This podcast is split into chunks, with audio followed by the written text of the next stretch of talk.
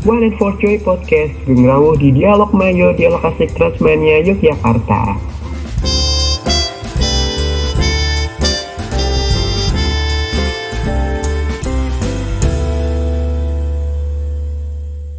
Halo my friend, so setelah kita kemarin bahas Jogja yang dingin-dingin nih, karena justru sudah menangkap lagi nih my friend, seperti hubungan pertemanan kita dengan teman kita yang lain. Kenapa? Karena kita sudah di normal nih, gimana hubungan pertemanan yang tadinya cuma kita lakukan secara virtual, kita bisa lakukan secara langsung.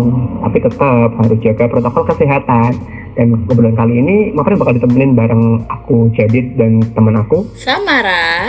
Kali ini kita bakal bahas sesuatu yang angkat-angkat brandnya itu hubungan pertemanan, hubungan pertemanan kita di kampus nih. Iya nggak Sam? Betul, general sekali ya pertemanan itu. Pertemanan itu sebenarnya punya levelnya loh. Pertama dari level, level berkenalan, kedua level saling berkomunikasi, ketemu dan cocok-cocokan. Terus yang ketiga itu bisa jadi level berpacaran atau menjadi sahabat. Aduh, mungkin kayak Mas sadar juga kalau semakin kita tua itu teman banyak, tapi cuma dikit gitu yang akrab ya. Jadi kayak cuma ada beberapa circle yang dekat sama kita gitu. Yang lain cuma pada perkenalan. Kalau Samara mengalami itu nggak kira-kira? Oh iya dong, pasti. Semakin berumur, teman itu semakin sedikit. Dalam artian teman yang menjadi support system kita. Eh, karena kan kita mahasiswa nih di Jogja yang disebut-sebut sebagai miniatur Indonesia.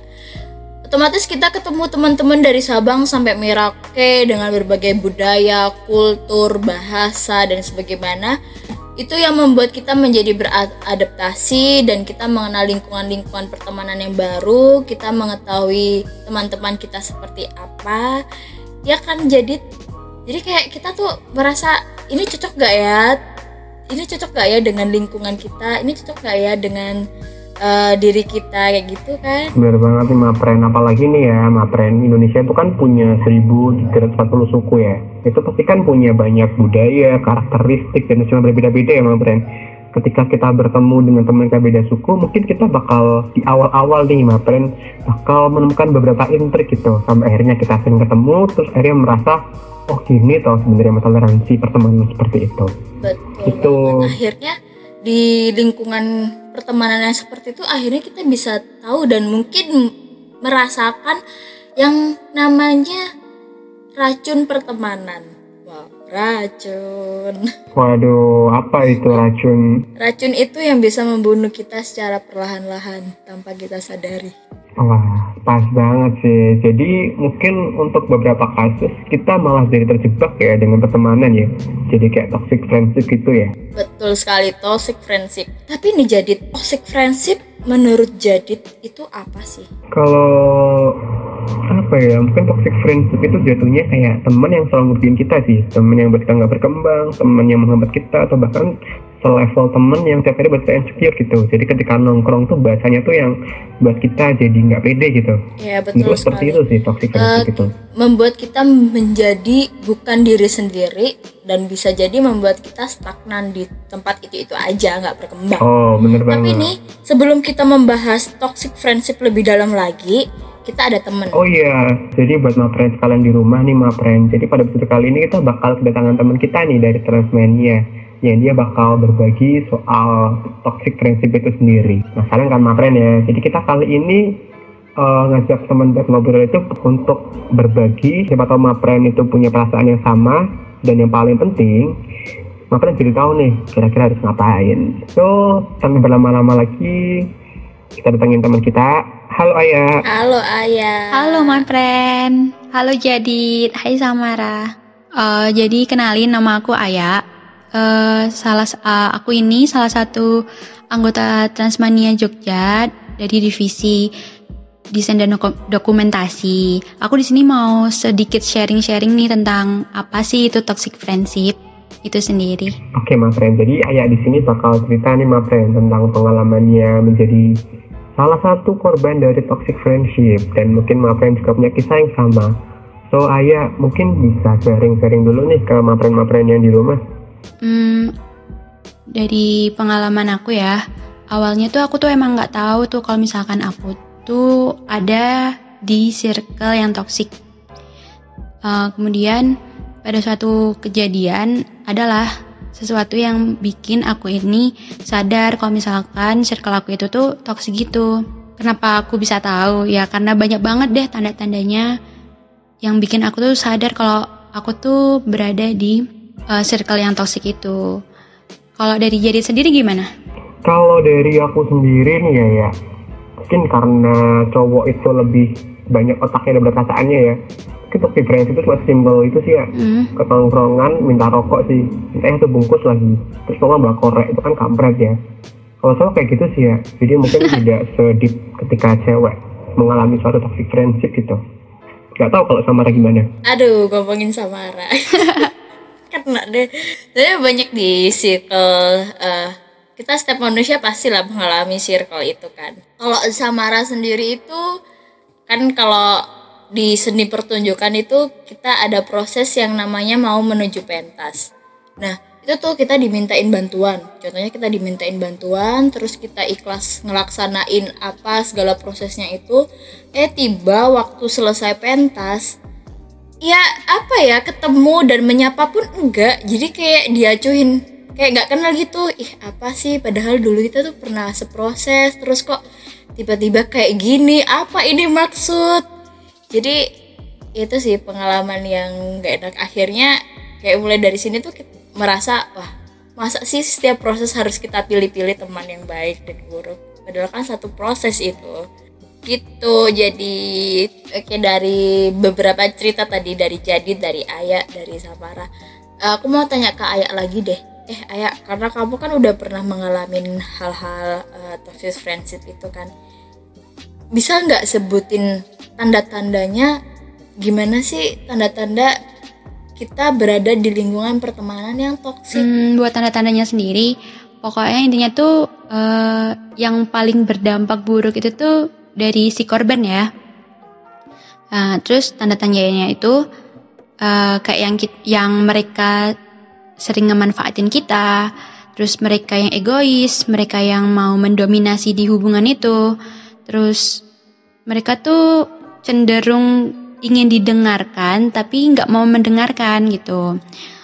Uh, terus mereka juga suka tuh kayak bikin drama yang sebenarnya tuh nggak penting banget gitu do gitu loh. Kayak yang sepele tapi tuh digede-gedein dan dibikin drama kayak gitu. Ya mau nggak mau dong kita pasti capek.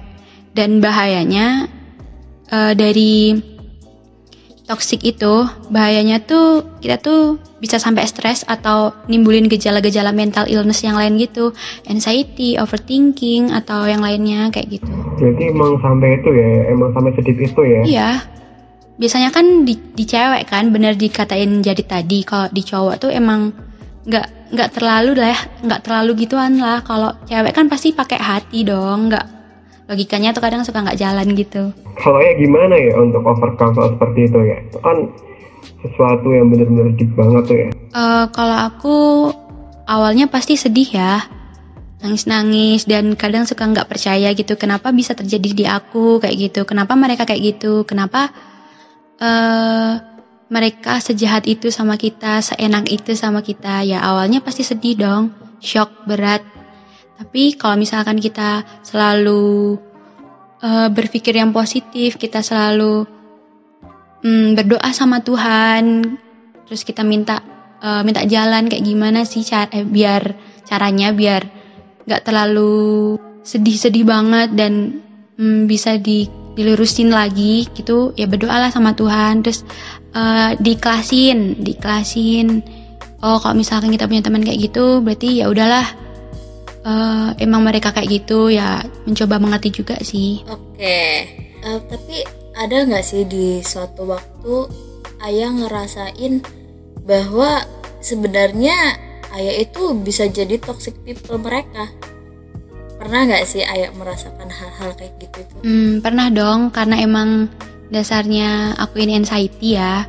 Jadi mau nggak mau pasti selalu yang pertama nyalahin diri sendiri dong overthinking dulu apa sih salah aku kenapa sih mereka kayak gini kayak gitu hmm, kayak yang yeah, tadi yeah. aku udah sebutin itu uh, terus ya kayak gitulah pasti kalian juga kalau udah pernah ngerasain uh, berada di circle yang toxic juga pasti ngerti lah harusnya Iya, sih iya. kayak gitu. Hmm, kalau Ayah waktu itu itu nggak aja punya circle lain nggak sih kayak circle yang justru nge-support Ayah gitu. Jadi mungkin satu sisi Ayah punya nih circle yang toxic, tapi waktu itu Ayah juga punya nggak? Oh ada, Ada circle yang support Ayah Mm, gitu? ada ada Ada ada ya? dong pasti. Eh walaupun mereka nggak satu um- seumuran sama aku ya, tapi pasti ada karena biasanya tuh eh berteman sama orang Itu Bo ya, grup lansia gitu Bo. gimana? Circle-nya grup lansia gitu Oh, Bo. enggak kayak gitu. Oh, kirain grup lansia gitu. Soalnya lansia itu teriak-teriak bawaannya. Setiap hari kerjaan cuma senam. Eh, olahraga gitu, Iya, senam-senam. artinya Ayah bergaul sama lansia. Tidak akan ada toksik. karena mereka saja sudah bingung mikir dirinya sendiri. Gimana mikir orang lain. lansia harus seperti itu karena biar beban hidupnya itu berkurang Oh, secara mereka kan mantap. sudah sudah usia lanjut Ah, bener kalau dia nggak di hal-hal positif seperti itu ya bisa tambah ini tambah tua semakin tua dan tua.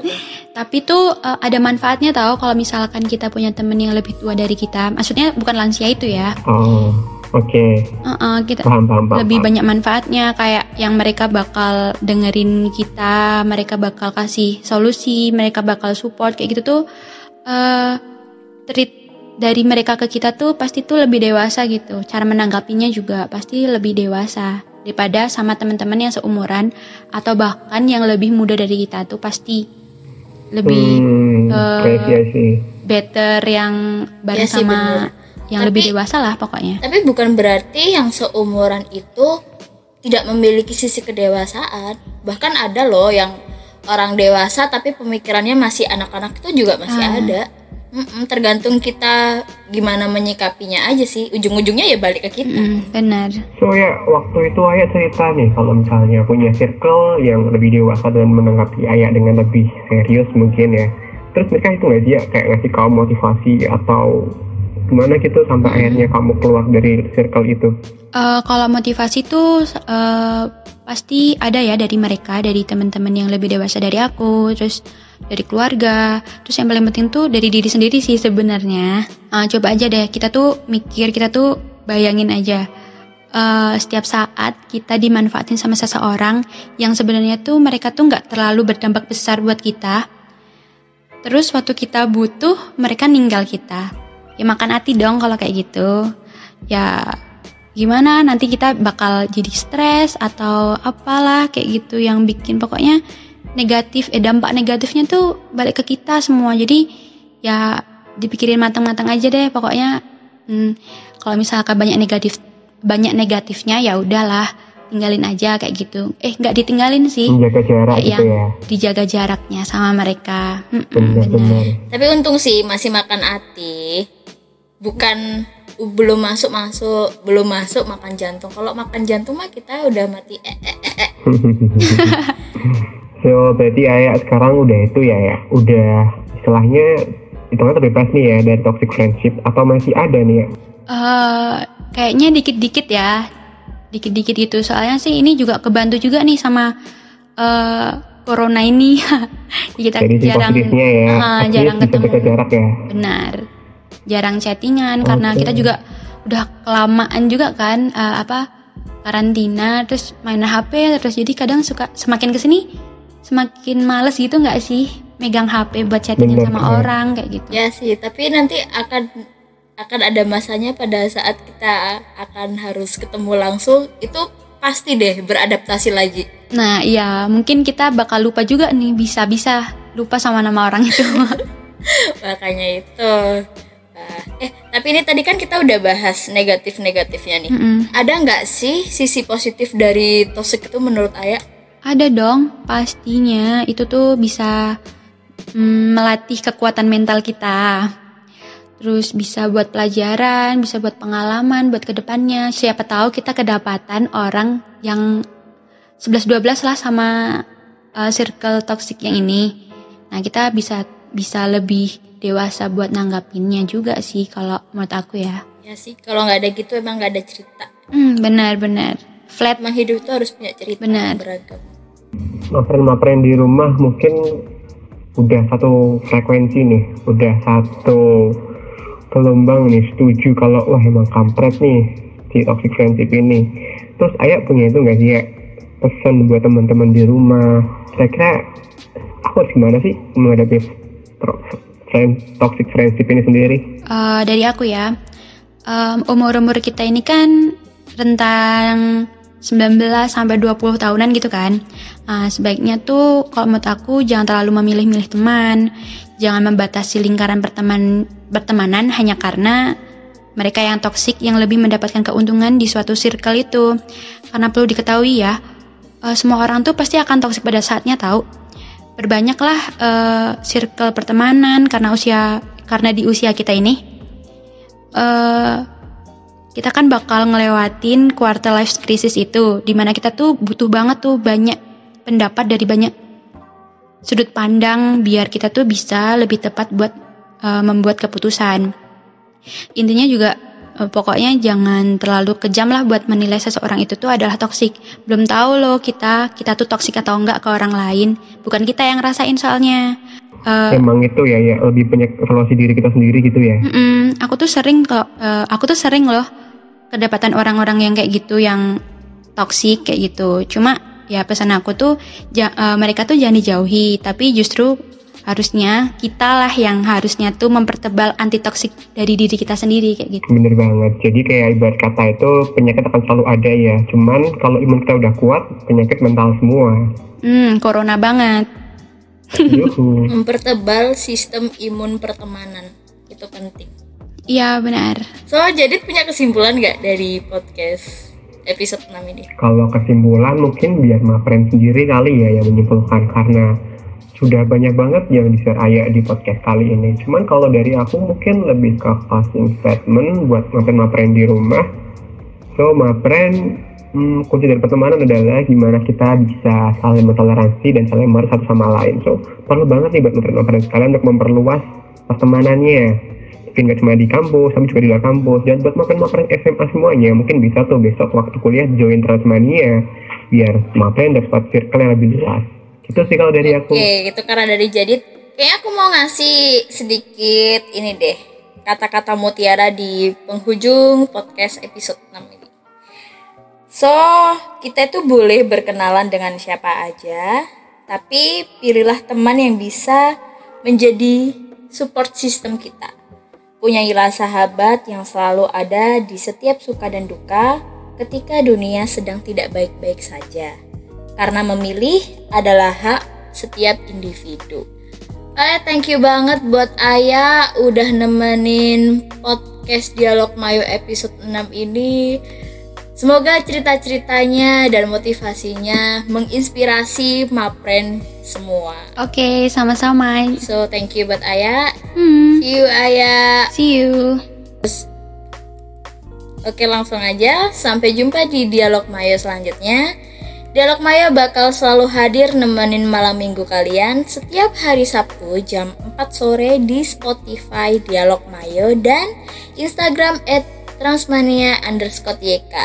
Selain itu, mulai sekarang Mapren juga bisa dengerin playlist seru dari Dialog Mayo di Spotify Dialog Mayo loh. Nah, untuk kritik, saran, dan pertanyaan apa pun, Mapren bisa langsung komen di Instagram atau DM di @transmania underscore YK. Oke, okay, so buat teman-teman sekalian, mungkin sekian untuk episode 6 so time is up. With this podcast lovers when my friends stay with dialog mayo dialog asik transmania Yogyakarta